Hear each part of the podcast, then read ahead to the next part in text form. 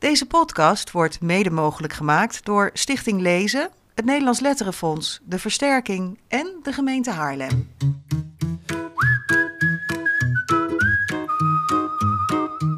Na twee afleveringen op locatie zijn we weer terug in kinderboekwinkel Kiekeboek in Haarlem voor de tiende aflevering van de Grote Vriendelijke Podcast.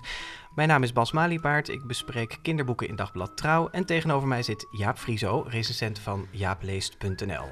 Het is onze tiende aflevering, Jaap. Is dat zo, de tiende alweer? Ja, is dat, en dat wist je best. Ja, dat is waar. Is dat een jubileum? Mogen we dat een jubileum noemen? Nou ja, het is het tweede lustrum, hè? Maar ik vind best wel weer veel. We maken maar eh, eens in de maand eigenlijk, hè? Ja. En eh, dat gaat hard. ja, we hebben- zijn natuurlijk begonnen met twee tegelijk. dat is dus die- we hebben tussendoor nog wel eens wat gefrummeld, dus eh we, spelen op. een beetje vals. Maar Ja. goed, de tiende. Nou ja, we zijn in elk geval blij dat we ook in deze aflevering weer een grote naam op kinderboekengebied mogen eh, verwelkomen. Hij illustreert al sinds 1988 het ene mooie boek naar het andere. En een selectie van zijn beste werk wordt tot en met 30 juni tentoongesteld in het Kinderboekenmuseum Den Haag.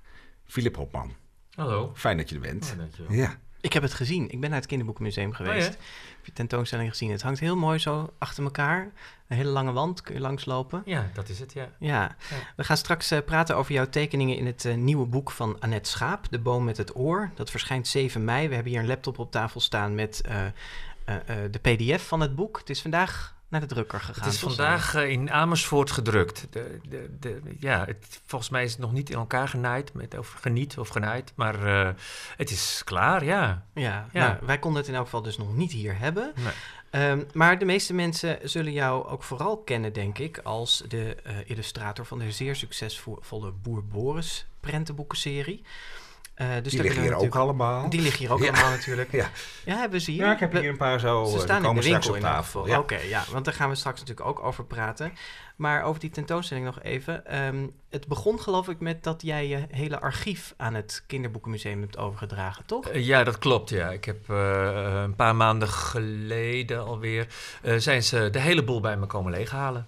Alles. En wa- was dat een verzoek van hun of dacht jij, mijn zolder ligt te Ehm, vol? Nou, eigenlijk Aad Meinders, de directeur, die vroeg mij of ik één tekening wilde afstaan eh, uit Wiplala. Die al een tijdje bij een eh, M. G. expositie had van Annie M. Schmid. eh, die al een tijdje eh, daar eh, hing.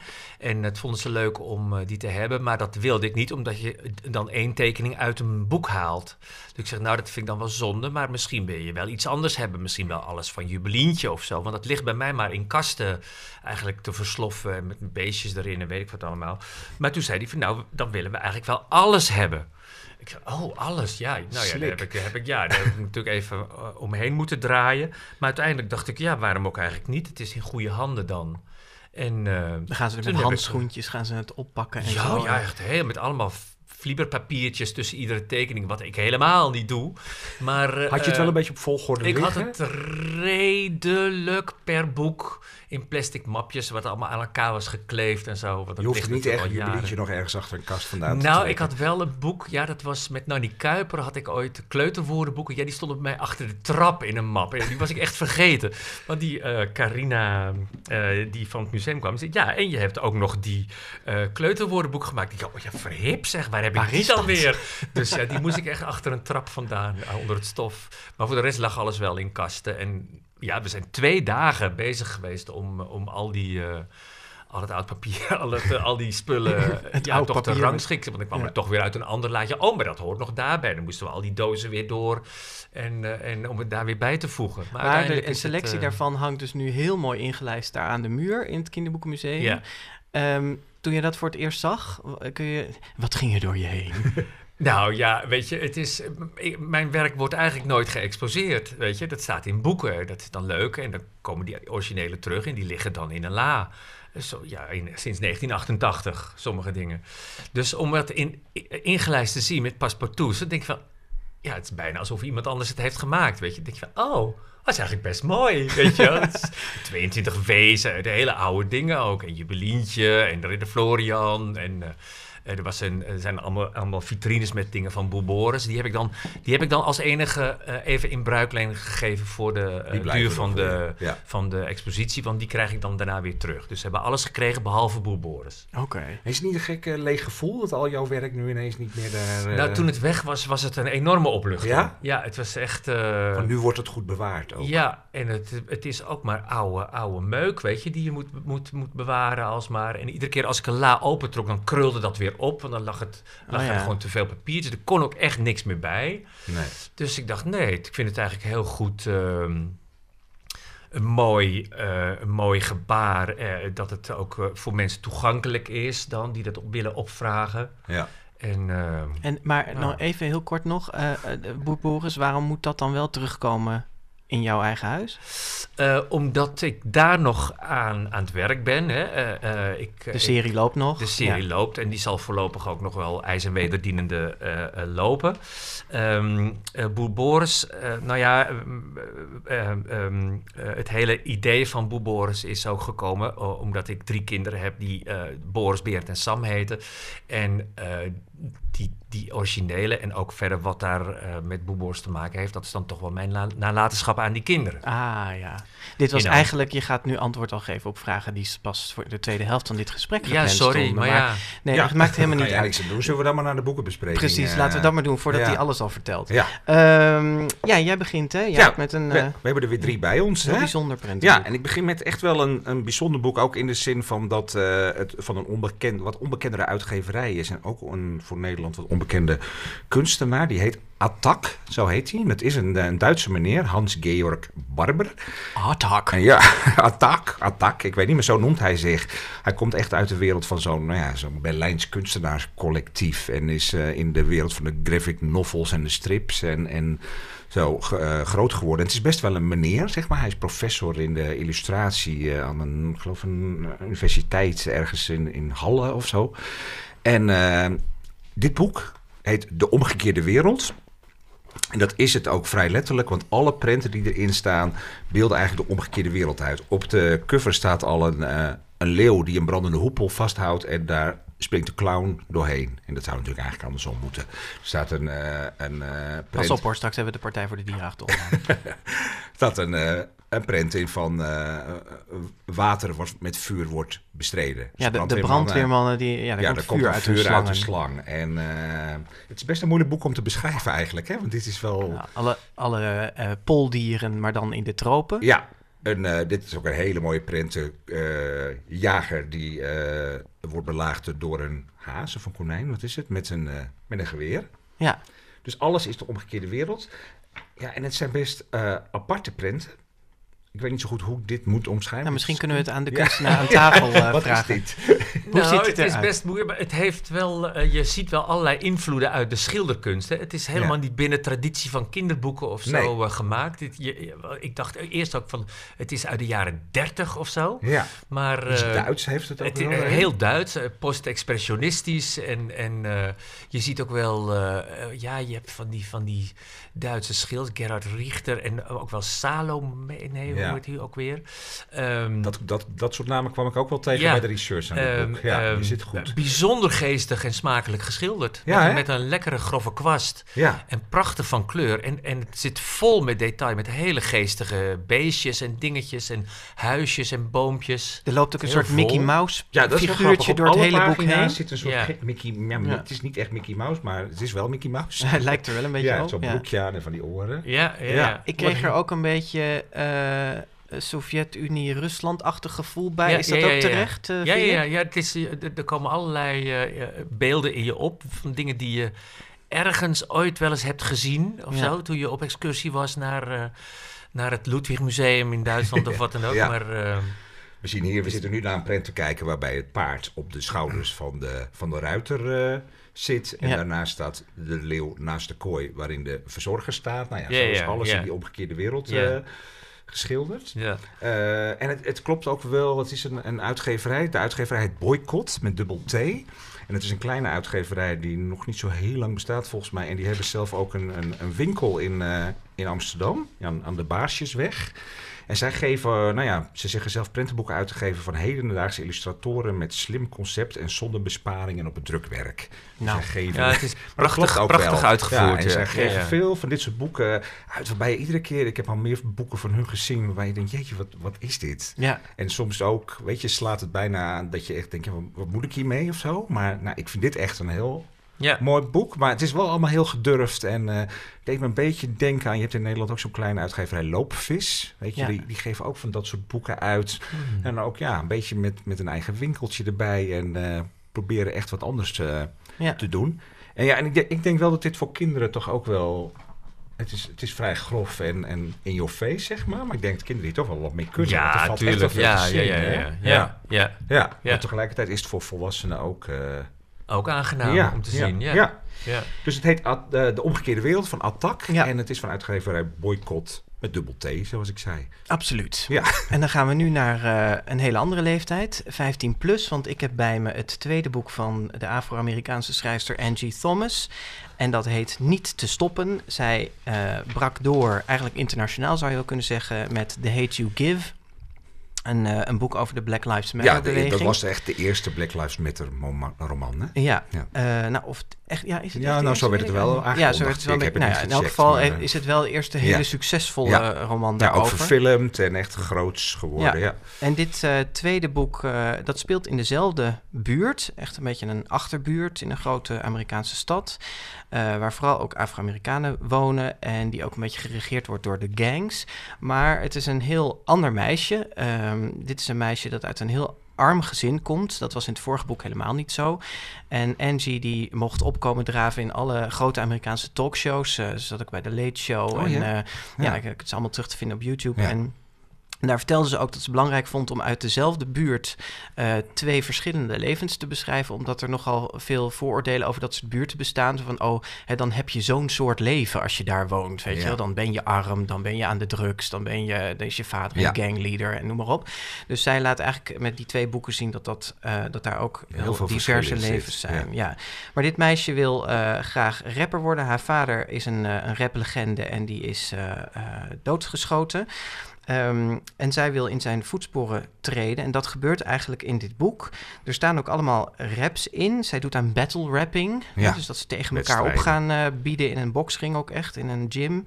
En, ehm, en die raps die... ehm, eh, ik, ik heb een klein fragmentje meegenomen van Angie... die op een eh, filmpje op YouTube... een stukje van de Ja. raps in het Engels rapt. Laten we even luisteren.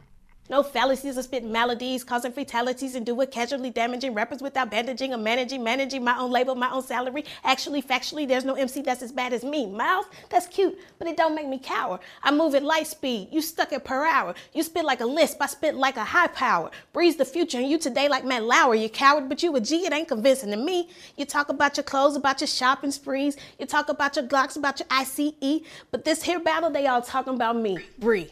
Ja, dat heeft Brie. geen ondertiteling nodig, Nee, toch? Brie heet het meisje in het boek, hè? Ja, Brie Ja. heet het meisje in het boek. Ik vind dit geweldig, maar, maar eh, als je het leest is het wel heel anders. Hè? Dit zou je eigenlijk bijna als luisterboek moeten eh, horen, Ja. waarin dan ook echt gerapt wordt. Want Dat vonden we allebei wel een beetje lastig, hè? Dat Ja. eh, rap op papier, dat is toch best wel heel moeilijk om, als je zelf geen rapper bent, om dan het in de juiste flow het ook te lezen, om het echt in je hoofd te horen. Dus dit is heel tof dat zij dit eh, ehm, eh, op YouTube laten horen. Ehm, maar de raps zijn in het Nederlands, het boek is vertaald door M.E. Warmerdam. En het heeft ze ontzettend goed gedaan. Ja, ik vond het ook best beter lastig. vertaald Het dan de, Ja, het is eh, straattaal veel Ja. hè, en allemaal van die Amerikaanse begrippen en zo. Maar Ik vond het ook beter vertaald dan The Hate You Give, moet ik zeggen. Eh, juist op dat vlak inderdaad, op die straattaal. Maar de, rap, de raps die hebben ze laten vertalen door Aquasi. En dat lijkt me op zich een hele verstandige keuze... om daar ook echt een, een Nederlandse rapper in dit geval voor te vragen. En wij dachten, ja... eh, die Nederlandse raps, hoe kunnen we dat nou beoordelen? Of dat een beetje lekker float? Dus we hebben Aquasi gevraagd of hij voor de GVP speciaal een, ehm, een stukje uit het boek wil we rappen. hebben Aquasi in de GVP. We hebben Aquasi in de. GVP. Niks En is te gek. Hij was in Ghana op het Oh. moment, maar hij heeft daar ergens naast een snelweg zo te horen op zijn telefoon een stukje voor ons Laat ingerept. horen, laat horen Bas. Uh, yeah. Ik clip zo hard, je zou wel willen dat je mij was. Fris van top tot teen in mijn Nike-schap. Spent de kop in een dag, de boy speelt niet. Skeer zijn is niets en rijk zijn verveelt niet. Ik flex dood en de hood maakt me gek hier. Maar ik ben een G, dus daarom ben ik op mijn plek hier. Ferrari gassende, Glock in mijn achterzak. Klaar voor die gekke shots. Maak de paparazzi ladder zat. Ja, tof hè? Ja. ja, nou lijkt het wel alsof dit boek, weet je, alsof het allemaal over raps gaat. Maar het boek heeft eigenlijk echt gewoon een, een, een heel goed verhaal, hè? Ja, nou ja, Ja. het, het gaat ook heel erg waar, waar de Hate You Give eigenlijk ook over gaat. Het vinden van je eigen stem. Hè? Your own, find your voice, zeggen ze dan in het eh, Amerikaans. Eh, eh, speak out, daar gaat het heel erg over. Ja. Hè? Ehm, en dit meisje neemt een rap op wat echt zo'n gangster rap is. Maar ehm, ja, is ze dat eigenlijk wel? Nee, daarom. Hè? ik vind het heel mooi dat zij, ze zit zo klem tussen allemaal van die, weet je, wit- de- de- dus, nou ja, ze gaat naar een school waar ze eigenlijk, waar veel witte mensen ook, blanke moet je zeggen geloof ik, hè? Nee, in ieder geval, juist, Oh, wit, ja. ja. in ieder geval eh, eh, waar ze, nou ja, graag wil slagen, maar haar moeder is verslaafd geweest en die is nu weer clean. Ja, En eh, samen met haar broer probeert ze eigenlijk voortdurend... je voelt door het hele boek dat angst, de angst heen dat die moeder weer verslaafd raakt. Ja. En dat is eigenlijk niet het geval. En die moeder wil eigenlijk juist weer niet dat ze in die rapwereld terechtkomt... omdat haar vader natuurlijk eh Doodgeschoten is. doodgeschoten is. En, Nou, en de armoede vond ik ook echt een heel bijzonder aspect van dit boek. Want dat lees je toch niet zo heel erg vaak in de jeugdliteratuur. Vooral de armoede in de westerse wereld, hè, de rijke westerse landen. En dat wordt echt heel indringend de beschreven. elektriciteit wordt afgesloten Ja. in dat huis. Dat, dat is ook echt dat je denkt, shit, hoe Ja. moet nou? En dat ze ook laten zien in Amerika dat het eh, dus kan dat een moeder werkt. Eh, de oudste broer heeft een cum laude studie psychologie of zoiets Ja. afgesloten. Maar moet in de pizza hut om de hoek werken om het huishouden van zijn moeder ook eh, eh, eh, ja, staande te houden. En dat ze toch niet rondkomen met die twee inkomens alleen al. Jezus, dus dat... ja. eh, Er zit Heb- gewoon heel veel in. klinkt dit als een boek dat jij zou willen lezen, eh Filip? Ja hoor. Ja? Ja. Heb je ook iets met rap of niet? Nee, nee, helemaal niet. Nee. Ik eigenlijk ook niet, maar ik heb wel Nee, door dit Maar boek... het, het lijkt me wel eh, rauw. Ja, het, is, eh, eh, het grappige is dat ik heb ooit te veel Moonlight gezien. Ja, D- daar doet de premisse Ja. me een beetje aan denken. Weet Ja. je, een moeder aan de crack. En dat prachtige film, heel ontroerend, weet je. Want dat Ja. is ook een milieu wat, wat niet is, waarin niets is wat het lijkt. Ja. Het is mooi dat je dat Ehm. zegt, want die wereld is eigenlijk, wordt in de film de laatste jaren wat ontsloten. En Ja. die wordt nou eigenlijk in de jeugdroman de, la- de laatste mm, jaar, twee Ja, jaar. Je, je kent het eigenlijk helemaal niet, Nee. weet je. Nee. Maar het is ook, ja. Ja, Ja. het zijn ook mensen met allemaal verschillende levens die, eh, ja, waar we misschien inderdaad eh, te weinig kennis van hebben Ja. genomen tot nu toe Ja. hier in Nederland. Maar goed, de rap is voor mij ook wel veel meer gaan leven, moet ik zeggen. Je, je krijgt wel echt door wat dat ook voor mensen betekent en wat ze erin kwijt kunnen. Ja. Dus dat, eh, laten we de volgende gaan doen. Ja, nog even zeggen hoe het heet, hè? Niet te stoppen. Niet van- te stoppen van Angie Het Thomas. is uitgegeven bij Moon. Ja, ook Ja. dat. Maar er staat ook allemaal, Allemaal op, de site. website, ja. Hey, het is bijna Koningsdag. Ja. Dus we hebben het boek Leven de Kroon meegenomen. Van uitgeverij Lano. Het is geschreven door Sarah de Vos en de illustraties zijn van Wendy Panders. En eh, op de voorpagina staat nog of op de cover waar gebeurde verhalen over bijzondere koningen, waanzinnige keizerinnen, verkwistende sultans en stoere prinsessen. Nou, dat is het ook. Het is een, ja, een non-fictieboek met. eh, sla even open hoor, want hier op die eerste pagina staat precies wat erin staat. En dat is zo leuk. Het is een boek met allemaal verhaaltjes over vorsten door de eeuwen heen. Hè? Dus echt van eh Haile Selassie tot, tot Willem-Alexander en, eh, en Maxima. En het is allemaal in hoofdstukjes eh, opgedeeld over de bijzonderheden van die vorsten. Dus je hebt het hoofdstukje sterke vrouwen, daar begint het mee. Maar daarna is het hoofdstukje waanzinnige en paranoïde vorsten.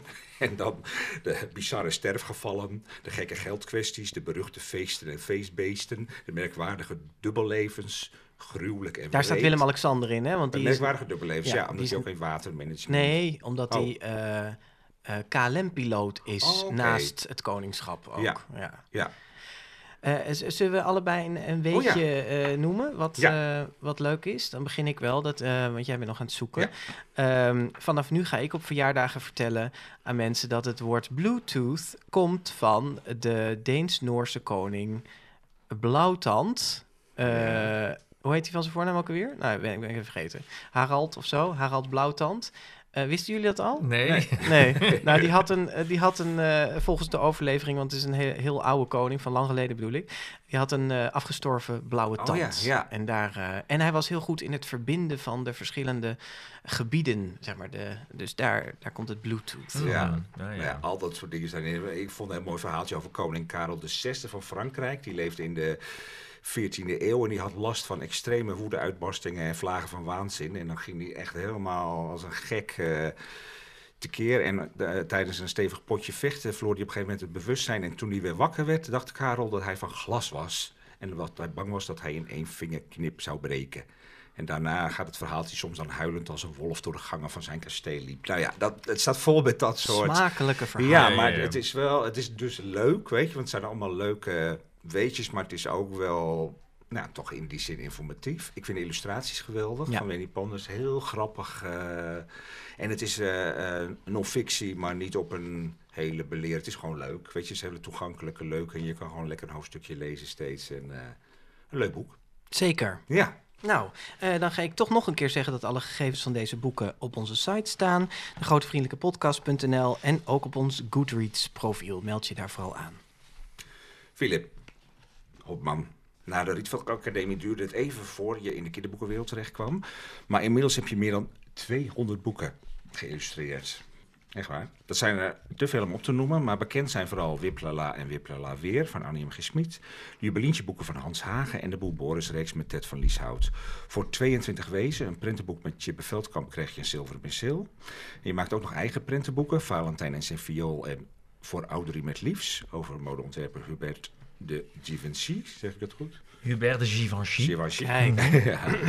En je wordt vaak geroemd om je zwierige handschrift, bewegelijke lijnen en gedetailleerde decors. Ja, en dan is er nu eh, bijna dus De Boom met het Oor, het nieuwste boek van Annette Schaap, over een jongetje dat iets heeft meegemaakt op school en dat kwijt moet, maar er is niemand die naar hem wil luisteren. Ehm, maar dan vindt hij in het park een boom met een oor en dat oor wil hem wel aanhoren. En normaal gesproken vragen we aan onze gasten om de eerste zin uit hun nieuwste boek voor te lezen. Maar deze tekst van dit boek is dus van iemand anders. Dus het leek ons eh, in dit geval beter om jou te vragen naar de eerste tekening die je voor dit boek maakte. Weet je nog hoe je begon? Oh my god. Eh, hoe beg- eh, ehm, nou ja, ik begon natuurlijk met het omslag. Oh ja, want dat moest Het eerder omslag af. moet altijd, eh, moet altijd in een aantal maanden eerder in, in, ehm, in de brochure, in de folder eh, eh, komen te staan die langs de boekwinkels gaat. Dus dat is de eerste tekening van het boek die ik heb gemaakt. Eh, pas daarna ben ik ook het binnenwerk gaan schetsen. Ehm, het was wel grappig, want ik was vorig jaar augustus even in Berlijn en daar was ik in het Bodenmuseum en ik liep al rond van, god, hoe ga ik dat, dat klote boek nou illustreren, weet je wel? Het is altijd van, ja, je moet ergens beginnen. Maar toen zag ik een heel mooi schilderij van een boom met een stad en een burcht en een man met een tulband om. Een beetje een laat middeleeuws schilderij Dus je dacht, ik kijk gewoon van even een af. Belg. Daar heb ik een fotootje van genomen, staat op mijn telefoon. Ik dacht, van, dat vond ik heel mooi van kleur, want in blauw zag je dan die stad zo. Ik zit allemaal gebaren te maken, maar daar heb je natuurlijk helemaal niks aan. Maar in de verte zag je zo in blauw die stad op de achtergrond. Ik dacht, dat moet het worden. En toen dacht ik ook, weet je, om een boom, het speelt zich af in een stad, in een park. En die boom is enorm groot. Dus wat moet ik nou doen om dat allemaal eh, in beeld te brengen? Kijk, Annette die had bedacht, het is een park in Utrecht. Annette woont in Utrecht. Maar ik kom nog eens in Barcelona en daar heb je een berg, dat is een soort park. En dan zie je mooi beneden je die stad liggen. Dus ik dacht, het gaat zich gewoon in Barcelona afspelen. Want dan kan ik die boom en die stad op de achtergrond tekenen.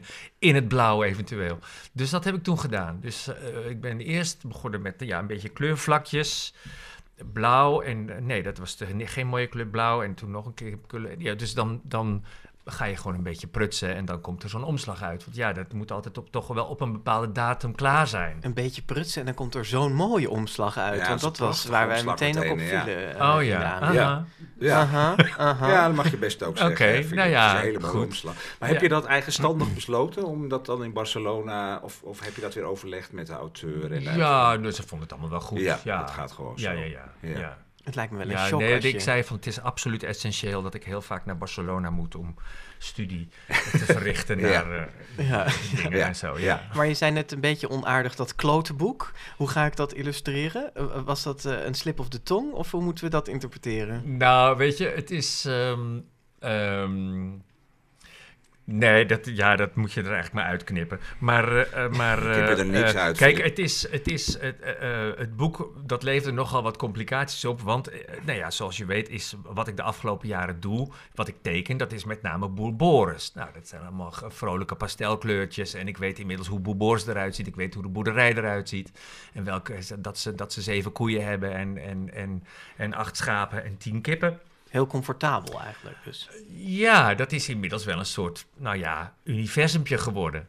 Eh, wat niet eh, wil zeggen dat het niet lastig is om nog een keer zo'n boek te maken. Want ik ben nu aan deel 12 begonnen en dat is weer net zo moeilijk. Omdat je denkt van ja, nou ja, ja hoe zal ik het nou eens gaan aanpakken?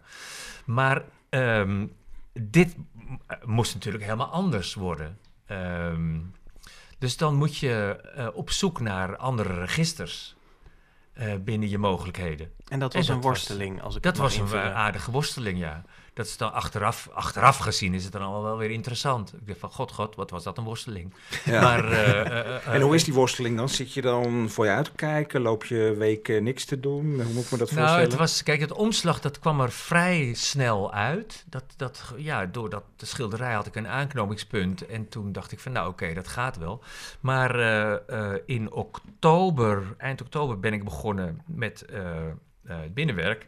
En eh, nou ja, dan ga ik, heb ik een, een wit een vel papier voor me waar ik dan een kadertje op zet. En dan, en dan ja, moet die tekst er ook nog in. En ik had met de ontwerper afgesproken dat we de tekst beneden zouden doen, zoveel mogelijk, zodat je een soort eenheid krijgt. En ehm, ik had met de uitgever afgesproken dat ik in februari de tekeningen zou inleveren. Ja. Maar eind eh, december had ik nog helemaal niks. Dus dan begint er toch wel een soort van paniek eh, En hoe kwam dat? Je, je, wi- je wist het niet.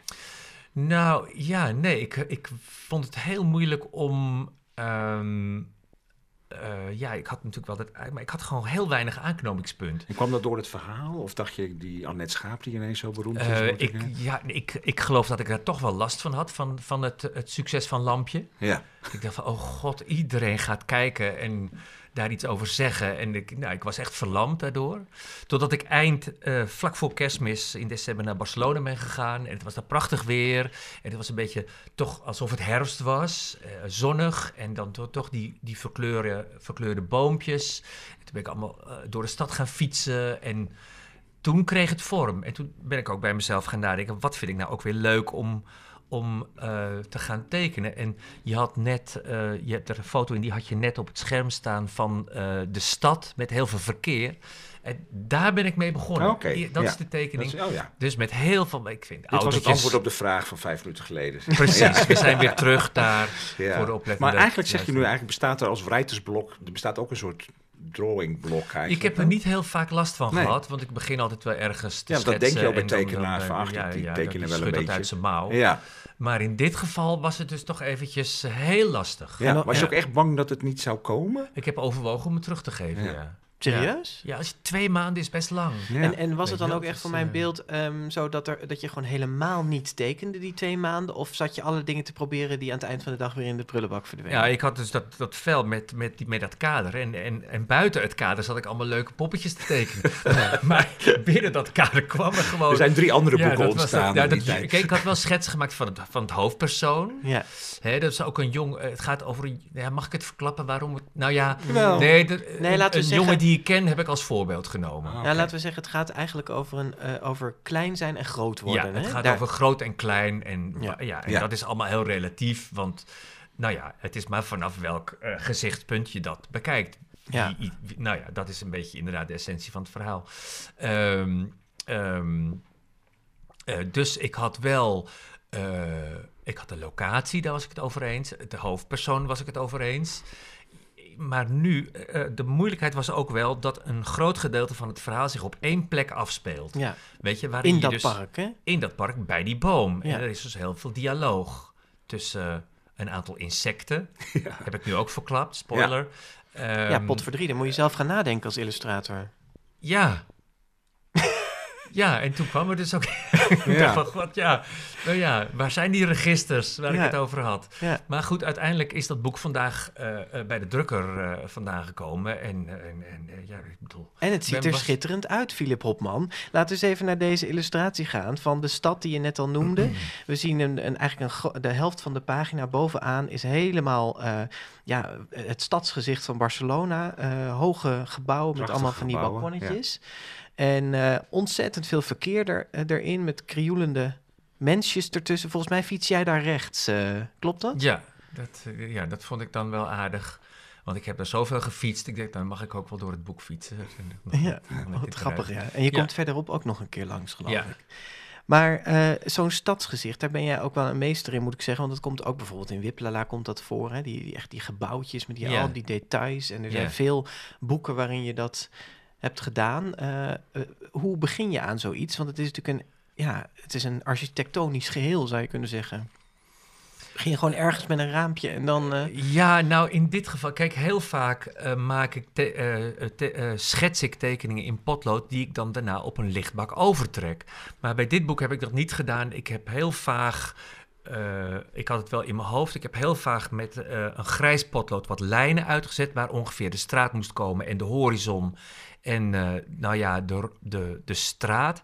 En toen ben ik eigenlijk maar links begonnen. En, en nou ja, bij dit moet je natuurlijk... Het zijn vier lagen verkeer die links af, nee, van links naar rechts rijden. En dan, dus je moet eerst de voorste laag doen. Hè, dus eerst de, de, de, autootjes step waar je en de auto die van links ja. naar rechts. En die daarachter, die moet je dan als tweede laag doen. En dan als derde de derde laag. En dan, dan daarna krijg je de mensen op het trottoir. Dus, het is ehm, echt heel... heel ja. Het is gewoon eigenlijk een soort breiwerk. Ja, weet je, ik dacht, ik dacht, eh, ik had al zo lang zitten piekeren. Ik dacht, ik ga nu gewoon tekenen. Ik Ja. ga nu doen waarom ik dit vak ook alweer zo leuk vond. Weet je wel. En, en, en toen ontstond er iets en dat werd interessant. Ja, wat, wat, wat ook... Je zucht er heel hard bij. echt. als je nou, eraan toen, terugdenkt. toen was ik Ja. wel toch... ehm, ja, Ja. Met, met Ja. het verkeer dat eh, stroomde, begon jij ook te stromen. ja, Eh, dat nou is- ja, ja, ja, Ja. ja. Mooi bedacht van mij, hè? Ja, wauw. Deze parallel. Eh, maar wat, wat wel ook opvalt, als je de, het hele boek doorkijkt... en de decors en de- alle mensjes die er op de achtergrond lopen... het, het heeft op een bepaalde manier iets retro en toch ook modern. Er zit een soort 60s feel in, heb ik het gevoel. De, de, de autootjes zijn ook niet de allermodernste Nee, autootjes. dat zijn Volkswagen-busjes. Precies. En, en de Ja. kneuterige oud scootertjes. Ja, terwijl er ook Ja. moeders met mobieltjes lopen en hardlopers met oortjes Ja. in. Ja, Wa- Waar, Ja. waar komt dat eh universumpje vandaan? Is dat... Wat wil je ons daarmee vertellen? nou, ik vind dat ik gewoon moderne auto's niet zo mooi vind. Die zijn zo vierkant. Ja. Maar eh, kijk, in, in Boerboris zijn alle, alle tractors en alle hijskranen zijn ook museumstukken. ja. Eh, ja, ik vind die gewoon mooier. Dat is eh, eh, auto's tekenen, dat heb ik heel lang vermeden. Tot ik dacht van ja, ik ben tekenaar, ik moet toch een auto kunnen tekenen. Maar ja, dan maar liever een oldtimer, weet je, of een mooie, een mooie oude Ferrari of wat dan ook.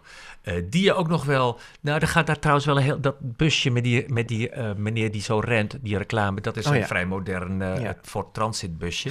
dus ik kan het op zich wel.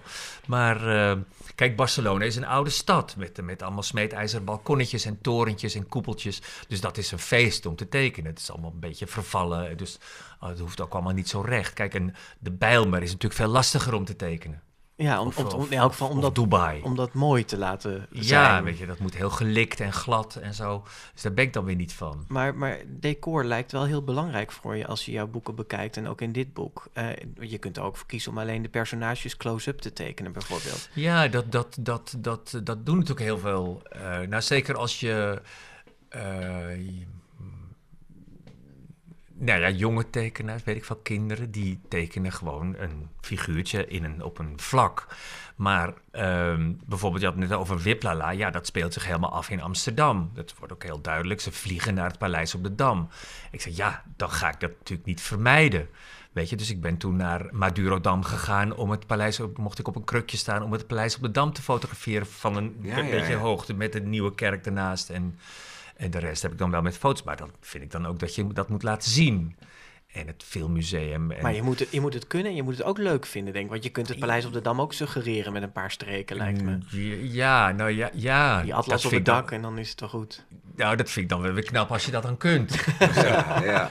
een tekening. Maar ja, goed, weet je, dat is een soort eh, de uitdaging die je zelf stelt van nee, nee, nee, ik ga echt al die raampjes en al die balkonnetjes ga ik tekenen en atlas op de achterkant. Ja, en Maar het is al die mensjes, hè, want we belden even met, met uh, Annette Schaap over eh, deze tekening. En, en die zei over die, die mensen, want het lijkt alsof er zomaar Chris Kras allemaal voorbijgangers op staan. Maar zij zei, zonder dat je iets van ze weet, weet je toch iets van ze. Het lijkt Aha. wel alsof ze het nog allemaal, die personen er niet zomaar staan en allemaal toch een soort eigen verhaal. Ik bedoel, jij staat er zelf dan zo op als je dat ziet. Hè? Dat, dat, Ja, ja, ja, Is dat zo? Ze Nou, zo? kijk, de, de stad eh, in dit verhaal is ook een personage geworden. Weet je, anoniem. Dat wordt ook echt heel mooi beschreven. Dat dat raast en tiert en stampt en, en, en kraakt. En, en ja, dat, dat is dus een soort mierennest van, van, van, van chaos en beweging. En eh, dus die stad speelt ook echt een hele belangrijke rol. Dus eh, ja, dan... dan ja, ik, ik vind ook wel, ik heb altijd wel een schetsboekje bij me. Dus ik vind mensen ook gewoon heel interessant, weet je. Dus, eh, Ja, ik wou net zeggen, waar haal je ze vandaan, al die personages? Want dat lijkt me, als je er zoveel moet tekenen, li- lijkt me ook dat je op een gegeven moment denkt, ja, weer zo'n mannetje dat zo staat. Of, eh, Want is het, zijn het ook allemaal mensen of zijn het gewoon poppetjes? Het is een gedeeltelijk. Kijk, ik fiets daar natuurlijk zelf met mijn vriend en een Japanse vriend die achter ons aan fietste. Dus, dus die, die bestaan. Maar bijvoorbeeld, je ziet een man eh, op een, met een eh, bakfiets met kinderen erin. Ja, die komt gewoon uit het boek Ga toch fietsen, waar het eigenlijk dieren waren. Joukje maar het is wel diezelfde, met Ja. Joukje Akveld. Maar toen heb ik gewoon een mannetje met een baard en een, en een mobiele telefoon van gemaakt. Dat is een poppetje. Maar ja, weet je, die zie je zo vaak lopen. Dus zo'n type met een pet en, een, en, een, en zo'n zo'n eh, eh, hipstersik. Ja, dat weet ik op een gegeven moment wel. een hipster sick. En, eh, en ja, bon. Ehm, Nou ja, maar dit, is wat Annette zei, vond ik wel mooi. Omdat je inderdaad aan de houdingen en aan hoe ze... eh, je gaat er meteen bij doorfantaseren van wat, wa- wat zou die daar doen? Of waar komt die vandaan? Of is dat ook iets wat jij in je eigen gedachten doet? Bedenk je waarom die mensen daar staan? Of is het ook gewoon voor een deel vulling van de pagina's? Het is eh, voor een deel vulling, denk ik. Maar ehm, kijk, een school die uitgaat, ja, die kinderen hebben. Als je toch tekent, kun je ze, als je eventjes erover nadenkt.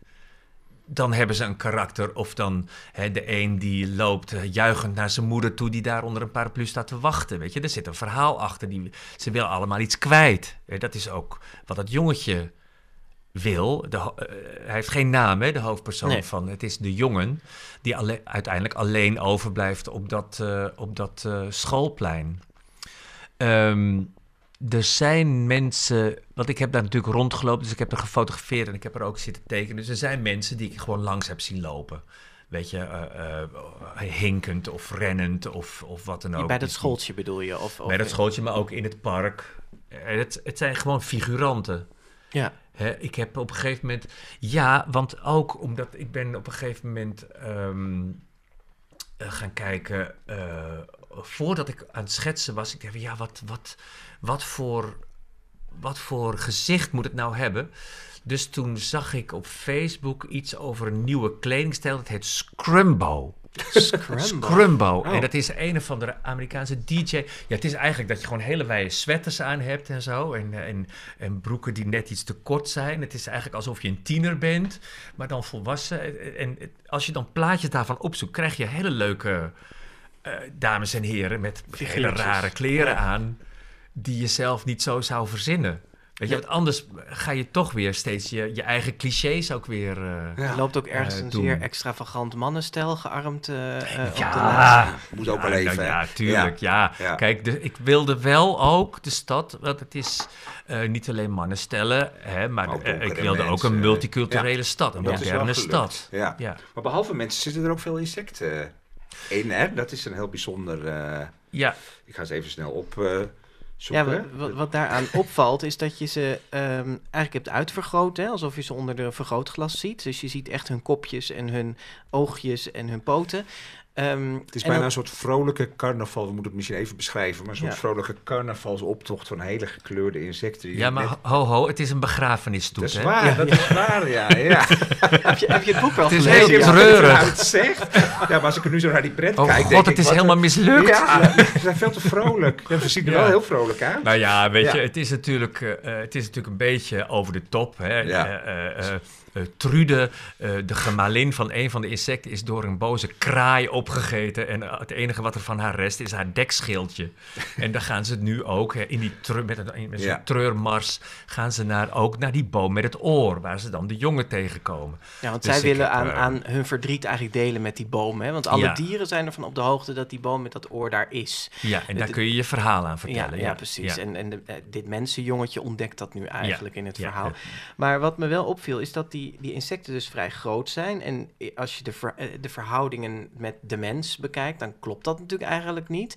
Er lopen ook muizen tussen Ja. die even groot zijn als de insecten, dus als de Ja. kevertjes. Ja. Was, eh, waarom heb je daarvoor gekozen? Was dat een worsteling van hoe, eh, hoe ga ik die verhoudingen eigenlijk Nou, neergeven? omdat, om, om, omdat het namelijk niet gaat over groot en klein. Want de insecten zeggen op een gegeven moment ook zelf... ja, wij zijn ook klein geweest. Wij zijn nu groot.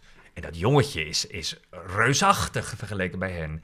Dus het, eh, het, het gaat er maar om hoe je jezelf ziet. Ben ik groot? Ben ik dik? Ben ik... Ben ik, ben ik eh, Dus het jongetje is op alle afbeeldingen eh, tot aan het eind... pas op Ja. het einde is die pagina groot. Ja. Dan voelt hij zich zo groot dat hij niet meer op de pagina past. Maar op alle andere afbeeldingen is hij zo klein als die insecten. Ja, Hè? Dus dat is gewoon meer een, een soort spelen met het perspectief. ja. Plus dat je natuurlijk die insecten, als je ze als puntjes zou tekenen, dan is er ook geen bal Dan aan. is er ook niks Nee, meer aan te tekenen. Dit moet heerlijk geweest zijn om te doen. Of, ja, eh, die ja, ik heb een heleboel. Het zijn ook wel echt bestaande insecten die uit dat keverboek komen. Weet je, keverjongen. Ja, er is op een ja. gegeven moment ook zo'n keverboek van verschenen. Ja. En daar staat echt krankzinnige, de kikkerkever en de, en de weet ik veel wat. De, de. Oh, je speelt overal leentje buren, hè? ja joh, het Ja. is heel makkelijk. Het is echt, Nee, maar ehm, eh, je kleurgebruik valt ook heel erg op. Dat vind, vind ik in elk geval heel bijzonder. Eh, het lijkt alsof je per prent, moeten we eigenlijk even naar een andere Oh. doorklikken. Ja, de luisteraars zien het, allemaal niet, heen, ja. zien het allemaal niet. Maar goed, het lijkt alsof je zo voor een soort paar grondtonen kiest of zo. Nou, nou, ik wil eigenlijk de open vraag stellen. Hoe, hoe kies je je palet? Hoe bepaal je van welke kleuren gaan hier... Ja, dit is een diepte-interview, meneer. Is dat iets, nee, maar is het iets intuïtiefs of eh, heb je er een idee bij van zo moet dat boek moet in, in deze hoek van het palet eh, worden getekend? Eh, kijk, een gegeven eh, in het verhaal is dat het regent op, op een zeker moment. Ehm, ehm, wat mijn idee ook wel was, ja, het moet sowieso... Kijk, bij Boeboris heb ik ook wel een bepaald soort palet. Hè? Dat, dat, dat, daar, daar gebruik ik niet eens heel veel kleuren voor. Maar het is een bepaald soort blauw en een bepaald soort groen voor de weides. En, en eh, eh, eh, dit moest anders. Ja. Hè? Ehm, en op wat voor palet je uiteindelijk uitkomt, dat is toch een kwestie van uitproberen. Hè? Waarom, kijk, je, je hebt nu bijvoorbeeld ehm, die boom. Het is natuurlijk maar één boom. Maar ik wilde die boom toch ook op een heleboel verschillende manieren tekenen. Dus hij- de ene keer is hij blauw, de andere keer is hij paars. En hij is zelfs een keer groen, zoals bomen zijn. Maar het gaat er ook om dat die boom voor iedereen een andere verschijningsvorm heeft. En de ene keer is de lucht paars en is een keer oranje. Want als maar blauwe lucht is, toch natuurlijk ook een beetje. Maar het is, was toch ook echt een beetje proberen. Ik had een rol. Ik had ook besloten om op een behangpapier Oh, te ja. tekenen. Op een rol. Wat ook weer voor verschrikkelijke problemen. Want dat rolt allemaal weer terug. En dan moet je er allemaal emmertjes opzetten. En potjes. Kopjes thee en dan die rolt weer het toch nog omvallen weer terug. En, maar dat papier reageert namelijk heel anders als het papier waar ik normaal gesproken op teken. Dus eh, het was eh, ook een handicap. Maar het, re- het reageerde op verf ook wel heel leuk. Het zoog veel meer. Waardoor je ook echt. ehm, eh, waardoor je kleuren ook gewoon een beetje verdwijnen. Maar ook is weer. dat ook wat uiteindelijk in het boek terechtgekomen is? Of? Ja, ja, Ja? zeker. Want het is ook op ongestreken, eh, licht getint papier eh, gedrukt. Wat ook een beetje lijkt op dat. want de drukproeven die waren weer op wit papier. Ik dacht van, oh, maar dat is veel te wit. Maar uiteindelijk zijn ze op een beetje getint papier prachtig. wat hoe heet grappig. dat Je zegt nu dat dit boek op behangpapier gemaakt is. Ja, Wauw. ja, nou ja, op, Dat is wel op- de op scoop van de blanco. Ja, dit. eh. Het was Ja. wel blanco Ja. papier, maar het is... eh, ik, had het een keer, ik had het een keer gekocht eh, om iets, te iets goud te schilderen. Ik dacht van, oh, dat is eigenlijk leuk. Ik ga dat boek hiermee maken. Ja. Dus ik heb twee rollen zijn er doorgegaan. Maar ehm, Nou, la- laten we ehm, eh, ook nog even naar Boer Boris gaan. Want ehm, eh, nou ja, ik denk dat we wel een mooi beeld Ja, hebben nu van maar dit ik was boek. nog wel even benieuwd. van- Oh, toch is nog het, één Nou ja, is het nu uiteindelijk, hè, want je schetst, je praat er nu met heel veel enthousiasme en liefde over, terwijl het begon als een, een, een een hel. hel. Ja. Helse uitdaging. ja. Maar hoe kijk je er nu op terug? Ben je, ben je tevreden? Het is Kun je heel met liefde naar kijk, kijken? Ik, kijk, ik kijk daar nu hè, op het moment dat je tekening hebt ingeleverd en je ziet ze na een, ik zie ze nu na een maand, februari, al februari, maart, het is nu april, ik zie ze na een maand weer terug. Dan heb je daar, daar toch alweer enige afstand. Het is eigenlijk alsof iemand anders ze dan weer gemaakt heeft of zo. En dan denk ik, dat was net als in het museum, als ze dan in een lijst hangen. Nu zie ik ze mooi op dat computer met de tekst erin. Ik denk van, oh, is best mooi. Ja. Weet je, dat is, dat is bijna ja, alsof het niet meer van jezelf is. Maar het was, weet je, tijdens dat maken, dan, en je, je bent zo midden in dat werk. En ik denk, ja, daar heb ik een tekening af. Is dat nou mooi? Ja, Bloed, zweet en ik tranen. kan het ook een keer overdoen. Ja. Maar Ted van Lieshout, de schrijver van Boeboors, die is een keer bij me langsgekomen. En, en ik was alsmaar bij die titelpagina, daar heb ik wel vier varianten. Hij zegt, ga nou toch eerst dat boek maken. Ja, en heel dan kun je, als je het klaar bent, kun Ja. je nog... Ik zeg, oh ja, tuurlijk, ik moet niet... Ik bleef maar hangen op die ene tekening die alsmaar over moest. Kijk, dit was het Heel- bruggetje waar we op zitten te wachten. Ja, Ted van nu kunnen we Lieshout, naar ja. Boer Ja. Boris en... eh, En die eh eh, Boer Boris, er is een geweldig liedje eh, waarin jij Boer Boris zelf introduceert. Laten we daar even naar luisteren. Boris heeft een boerderij met een akker, een erf en een schuur erbij. Met een hond en een kat en een kip en een haan. En een paard in de stal waar de varkens staan. Met de sla op het land en de selderij. En een koe en een kalf en een schaap in de wei. En daar horen nog een tractor en een vrachtwagen en een dorsmachine en een pootmachine en een zaaimachine en een plukmachine en een broertje en een zusje bij. Is daar misschien ook nog plaats voor mij? Bij Boris op de boerderij. Nou, als, het, als, het, eh, als je tekenen zat bent, kun je altijd nog gaan zingen. Toch? Ja, hm. De, we moeten even vermelden dat de componist van het liedje is Oene van Geel. En het werd gespeeld door het ZEP 4 kwartet of het ZEP 4 kwartet. Ik weet niet hoe ze het uitspreken. Maar het is een ongelooflijk succesvolle serie, hè, Boer Boris. Ik heb hier even de, de laatste statistieken. Elf delen zijn er inmiddels verschenen. Dat is dan even de echte delen los van de badboekjes en de memories en noem maar op. Mhm. En 291.000 exemplaren verkocht. Dat is echt heel veel, hè. Ja, ja. Ja. hoe, hoe is die serie eigenlijk ontstaan? Ehm, ik heb er net al een klein beetje over verklapt. Ehm, eh, ik woon al eh, sinds eh, jaar en dag, 28 jaar, met mijn vriend Nout samen, getrouwd en alles. En op een dag werden wij gebeld door Helma. En die was op zoek naar een donor voor een kind. Zij woont met haar vriendin samen. En ik zei van nou, laten we daar eens over gaan praten. En eh, om een heel lang verhaal kort te maken, is daar eh, Boris uitgekomen. En eh, na anderhalf jaar ook Berend en hun kleine zusje Sam.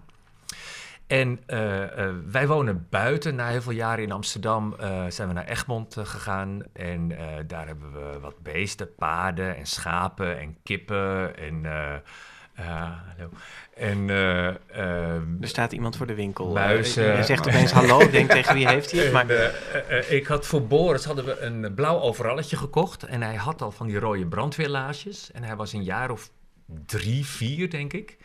En nou, die vroeg van Boris, wat wil je? En, eh, Boris, wat wil je eigenlijk worden? Ja, er rijden bij mij altijd heel veel tractors rond. Dus, ah, een tractor! Een tractor! Ik zei, nou ja, kan blijven maar, weet je. Het is een... Maar die was echt weg van tractors. En eh, toen eh, nou dus vroeg van, god Boris, wat wil je eigenlijk worden later? Nou ja, je kunt drie keer raden wat hij zei. Boer!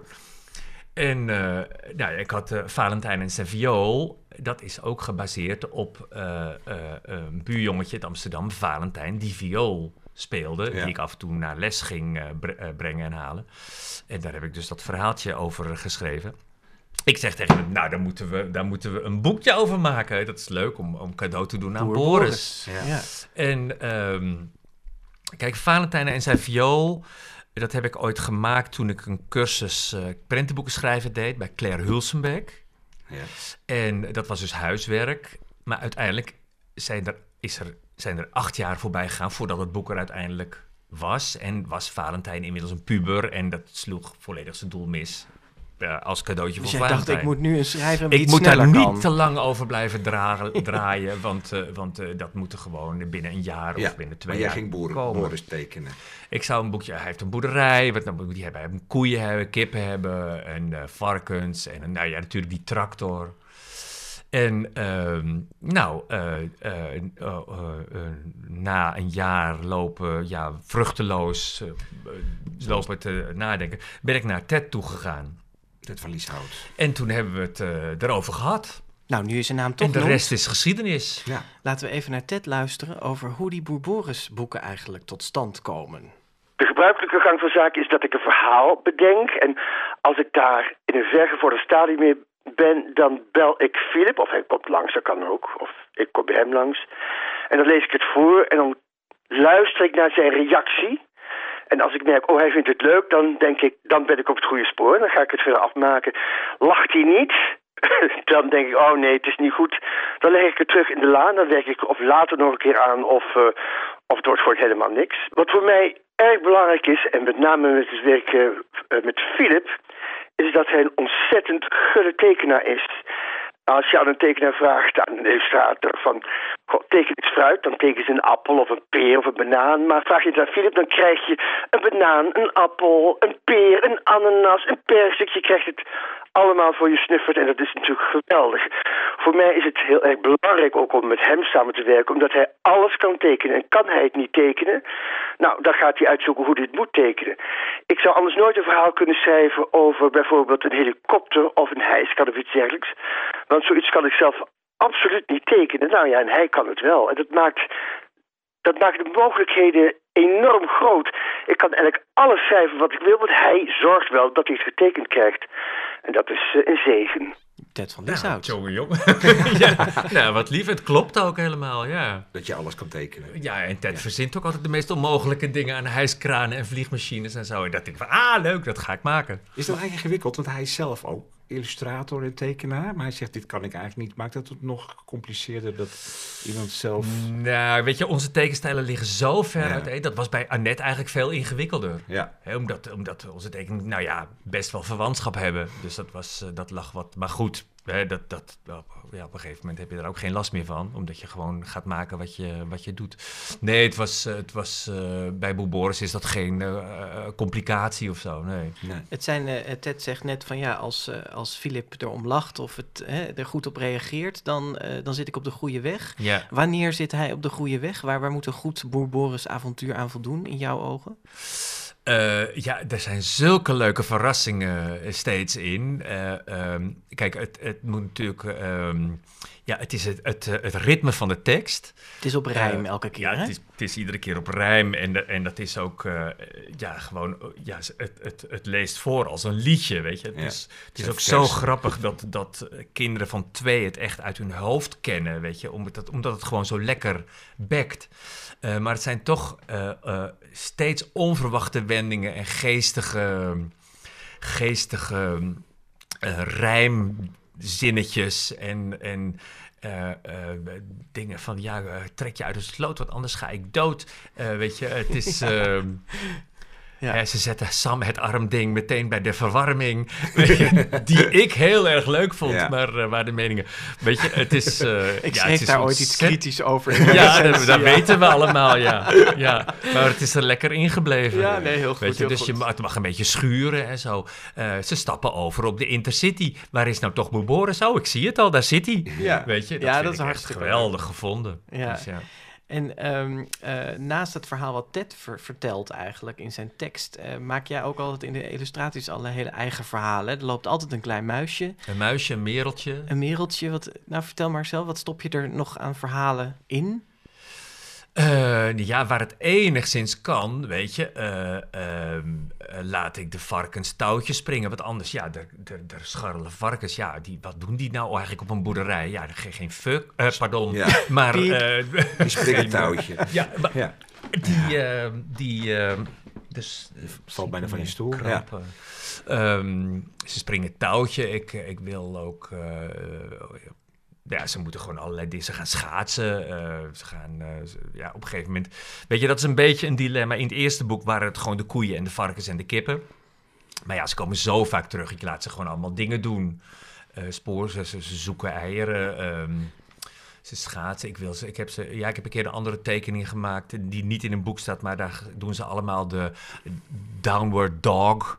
De, hè, in de yoga-houding, de hond, hond, hond met het hoofd omlaag. Ja, ja, ja. Eh, ook de olifant en de paard en alles. Ja, ja. Dat- dat- dat- Wat ik zo leuk vind aan Boer is, en het is eh, enorm succes, maar wat eigenlijk vanaf het eerste deel zo is, dat er enorm plezier uit die boeken spat. Zowel uit die, uit die versen van Ted als uit jouw tekeningen. Dus iets, iets heel ja, vrolijks Ja. en dat jullie er zo'n lol in hebben. Ja, ook. dat hebben we ook. We Ja. hebben ontzettend veel plezier in. Ik geloof dat het misschien één keer voorgekomen is dat ik niet lachte toen Ted mij een verhaal voorlas. Ik dacht, Oh. ja, eh. Ja. nou dat is er ook niet gekomen. Dus hij was- overdrijft, er ligt eigenlijk maar één verhaal in een la ergens. Wat voor, voor zover ik me kan herinneren, want de andere, ja, die, eh, er liggen er nu. Ehm, ik, eh, er liggen er nu echt een aantal op de plank die we kunnen gaan doen. Dus ik, voor de Ja, Boerboris-haters... Er komt, er komt er één Ehm. dit jaar nog, hè? Boer Boris en het paard van Sinterklaas. Primeur, primeur. Eh, en ehm, van de uitgeverij mogen we zelfs een illustratie op onze site laten zien. Of het helemaal rondkomt, dat moeten luisteraars als ze dit horen maar checken. Want als het er niet staat, Ja. dan zijn ze daar teruggekomen. Maar daar Dit lijkt het op. Uiteindelijk best een bijzonder verhaal. Je vertelt over Boris en ik wilde een verhaaltje voor hem tekenen. En uiteindelijk zijn we nu elf delen verder. En Ja. bijna 300.000 exemplaren verkocht. En die boel Boris is gewoon een klassieker in het Nederlands prentenboek aan het, eh, aan het worden. Nou, aan het worden, dat is die dat is die al, ja. Maar ik bedoel, Ja. ben je een klassieker ben je ook pas over 30 jaar. En Ja, maar het is wel echt een steeds. character. Weet Ja, je wel, eh, Nijntje en dan heb je ook Boer Boris. Ja. Om het maar even Ja, groot hij eh, is- neer te jullie hebben zetten. hem nu echt neergezet. Hij is niet meer weg te denken. Ja, wat moet je, wat moet je daar nou op zeggen? Ja, wat moet Ja. daar nou op zeggen? Ja. Nou ja, was het de Het is, opzet van eh, begin af aan eigenlijk? Even los van de ontstaansgeschiedenis met, jouw zo met je zoon. Was het een idee na boek 1 van... oh, dit kan eigenlijk wel een soort character worden. Echt een personage waar we van alles omheen kunnen maken. Nou, Ted had, had dat eh, van begin af aan al wel. Ik dacht gewoon een boekje, leuk, en dan zijn we klaar. En eh, eh, ik, ik anticipeer nooit echt, heel ver of wat dan ook. Maar eh, ehm, eh, het, het grote, ehm, eh, de grote verrassing was dat Boerwoords gaat naar zee, wat het tweede deeltje Ja. was volgens mij. Dat werd prentenboek van het jaar in ja. 2015. Ja. Tijdens de Nationale Voorleesdagen. Ja, en opeens Heeft was genomen, overal, weet je. Dat was dus natuurlijk een enorme, enorme trap eh, Ja. in, de, in, de, in, de, in een zekere richting van, van Ja. die hele eh, eh, serie. En toen er weer een Boerboris boekje uit- boek uitkwam, toen was het, oh mama, weet je, die wil ik ook. En eh, Nou ja, er- toen er- was het een feit, weet je. Mijn kinderen gaan in bad met eh, het badboekje van Boer Boris. Oh, ja, Dus ja, dat, ja, ja. eh, Ja, zover is het al ja. Hoe gekomen. oud is jouw zoon Boris Eh nu? 12, die zit in de brugklas. Ja, vindt hij dit allemaal een eer en leuk? Ehm, misschien later. het, is, het laat hem nu volstrekt onverschillig. Ja? Ja. Ja. maar hij vindt het wel. Hij, vindt het Hij wil wel ook geen boer meer worden waarschijnlijk. Nee, nee, nee. Paleontoloog, weet ik Oh, wat. Maar eh, nee, dat zullen we nog wel zien. Hij vindt het nog steeds wel heel... We zijn heel lang wel naar, naar een eh, boer bij mij eh, eh, in de buurt gegaan met koeien. Daar mocht hij dan ook die enorme trekker rijden en zo. Zijn broer en zus trouwens ook, die vonden het ook prachtig. Maar pa- paleontoloog Boris, dat bekt toch iets minder. Nee, dat is veel te ingewikkeld. Ja, ja. Maar misschien Hey, een gaan, young adult roman of zo. maar- We gaan jou zo meteen nog vragen eh, naar met welke tekening je een punt hebt gezet achter het illustreren van de boom met het oor. Dat we, hè, waar we het aan het begin over hadden. Maar eerst ehm, eh, nog even dit. Grote vriendelijke parel. Ja, welk boek maakt een onuitwisbare indruk en verdient een plaats op de parelplank van de GVP? Filip, jij koos voor een bekende klassieker. Hij ligt hier op tafel. Welk boek zet je op onze plank? Eh, de Gebroeders Leeuwenhard van Astrid Lindgren. Ja, Ja. nou het verhaal hoeven we bijna niet meer te vertellen, want dat eh, hebben toch heel ja, veel mensen wel bekend. gelezen. Ja, ja, ja. Maar wat, wat heeft het boek voor jou betekend? Eh, ik heb het als kind niet gelezen, pas eh, toen ik eh, een grote jongen was. Eh, toen las ik het voor aan mijn buurjongetjes en ik hield het gewoon niet droog. Het was, eh, ik, ik kon gewoon niet uit mijn woorden komen. Zo al in het begin, als die jongetjes dan allebei eh, doodgaan. En eh, eh, dat vond ik zo ontroerend. En later, eh, weet je, ik heb het, het nog een keer gelezen, waarom het nou... Ja, ik, ik ehm, eh, identificeer me het meest met Karel, eh, het jonge, ziekelijke eh, Broertje? broertje. Omdat, eh, ja, die vindt zichzelf gewoon niet dapper. En dat is hij toch best wel. En ja, ik vind mezelf ook nooit dapper of wat dan ook, weet je. Dat is, ja, terwijl je dan toch... Nou ja, de boom met het oor was voor mij toch ook wel echt een huzarenstuk. Maar ik denk van, oh, ik, weet je, het is altijd zoveel dingen... eh, waarvan je dan denkt van, oh, ik durf het niet, ik vind het te eng en zo. Maar hij doet het ook, weet je. Dat is... eh, Ja. ja, dat vind ik zo sterk van het hele boek. Het is nu best wel. eh, Nee, ik vind ook de taal. Het is nu best wel. Je merkt dat het een oud boek is. Maar ook het, het einde is weer zo ontroerend. Weet je, de liefde van die twee broers. Die eh, Dat, zo dat onvoorwaardelijk is en zo. daaruit, en, ja. eh, en Ja. mooi. Maar ja, het is net weer in een herdruk verschenen, dus het is ook nog is steeds echt een gewoon... klassieker. Ja, Ja, je hebt een het exemplaar echt, meegenomen. Was dit het exemplaar wat je voorlas aan het uh, Ja, ja, ja dat is hetzelfde, Ja. hetzelfde boek. Ja. Ja, dus het is echt zo'n boek wat je leven mee, eh Ja. wat je meedraagt. Dat jij voorlas, sorry, dat mis ik Nou, even. ik had het voor, ik, ik las het, ik kreeg het van Ploegsma. Ja? En eh, ik dacht, oh, de gebroeders. Want ik heb eh, zelf eh, Emiel van der Hazelhoeven ge- geïllustreerd in die serie. Ja. Dus ik kreeg dit boek. Ik dacht van, oh, dat gaan we ook eens lezen. En ik dacht, oh, leuk, gaat aan die twee jongetjes. Het zijn twee broertjes, de gebroeders Leeuwenhard. Ze heten, ze heten Veerman, maar... Maar je hebt het dus aan, aan eh, Boris en Berend voorgelezen. nee, aan, Nee, een aan, aan, buurjongetje. aan Oh, Fabian en sorry. Valentijn. Ja, nee, eh, van oké, nou Valentijn en snap ik. zijn viool. Ja, Ik zat even te eh, slapen. dat heeft Heel leuk. niks. Ja. We zitten ook bijna aan het eind van Ja, de dat is waar, ja. uitzending. Ja. Ligt niet aan jou, Filip. Philip, dit, dit, dit, hele boek, hè, De Boom met het Oor, wat die, helden je hebt doorgemaakt, waar nu zo'n prachtig boek van, eh, van ligt. Wat, wanneer, waar heb je de laatste pennenstreek op, op die behangrol gezet? Wanneer was het echt af?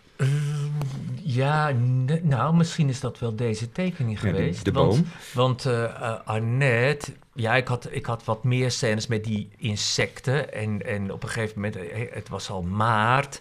En toen zei net, ja, nee, ik, die tekening wil ik toch niet. Want ja, dat is toch een, vind ik toch niet zo goed. En, dacht, oh nee, jij bent er bijna af. Ik zeg, geen probleem hoor, lieverd. Ik Maak hem gewoon over. en zo. En volgens mij is dat deze boom, ja, waar die, dus die boom op staat in het blauw. In Ja. het blauw, Wat hè? Prachtig. God, wat moet ik nou dat is wel weer? mooi. Je hebt echt Maar de boom ook als laatste. Ja. Het is niet de laatste tekening, want ik was dus eigenlijk al klaar. Maar er stond eerst iets anders op. Maar toen dacht ik echt van, nou, nou, nou doe ik echt helemaal niks meer. En, eh, en is het maar klaar. Ja. Zo. Nou, hartstikke Ja. mooi. Filip, eh, heel veel dank voor je komst. We kijken uit naar het fysieke exemplaar van De Boom met het Oor... dat dus 7 mei verschijnt bij Querido. En naar Boer Boris en het Paard van Sinterklaas... dat pas in oktober uitkomt bij Godmer. Eh, en luisteraars die nog naar de tentoonstelling van je werk eh, willen gaan... die kunnen dat doen tot en met 30 juni 2019... in het Kinderboekenmuseum in Den Haag. En tegen diezelfde luisteraars zeggen wij dat we het heel erg leuk vinden als je ons volgt op Twitter, Facebook, Instagram of Goodreads. En eh, vooral ook reageert op deze uitzending. Ehm, en we worden ook nog heel blij van sterren en reviews in iTunes, Absoluut. toch? Ja? ja. ja. En we zijn er half mei alweer, Jaap. Want... Wat een huishoudelijke mededeling Nou, allemaal. Ja. ja, want er komt een GVP-special aan. Eh, wij nemen op 15 mei de jaarlijkse Annie M.G. Schmid-lezing op. En die publiceren we als eh, podcast. En die lezing bestaat al 20 jaar en wordt georganiseerd door IBI Nederland en het Kinderboekenmuseum. En elk jaar geeft een bekende kinderboekenschrijver die, die lezing en geeft een visie op de staat van de jeugdliteratuur. eh, zeg maar. En dit jaar is dat Marjolein Hof. En haar lezing heet Een noodzakelijk kwaad. En die stuurt vlak na die eh, lezing is die integraal via de GVP te beluisteren. Je kunt er ook nog live eh, bij zijn. Zijn kaarten te koop via kinderboekenmuseum.nl. Gelukkig kun je het allemaal terugluisteren bij podcast. hè, Oh, wat dit, ja, dit is hebben, een ja. hele... Maar dit moesten we allemaal even vertellen. Er Ja. gebeurt veel, ja. Deze aflevering vandaag met Philip Hopman namen we op op 24 april, op woensdag 2000, in 2019 in kinderboekwinkel Kiekeboek, onze vertrouwde plek aan de Gierstraat in Haarlem. Dank weer voor de gastvrijheid. Ook dank aan onze vaste technicus Mark Brouwer. En eind mei zijn we er weer met een gewone GVP. En dan hebben we als gast schrijfster Enne Koens over haar nieuwe boek Die Zomer met Jente. Tot dan. Tot dan.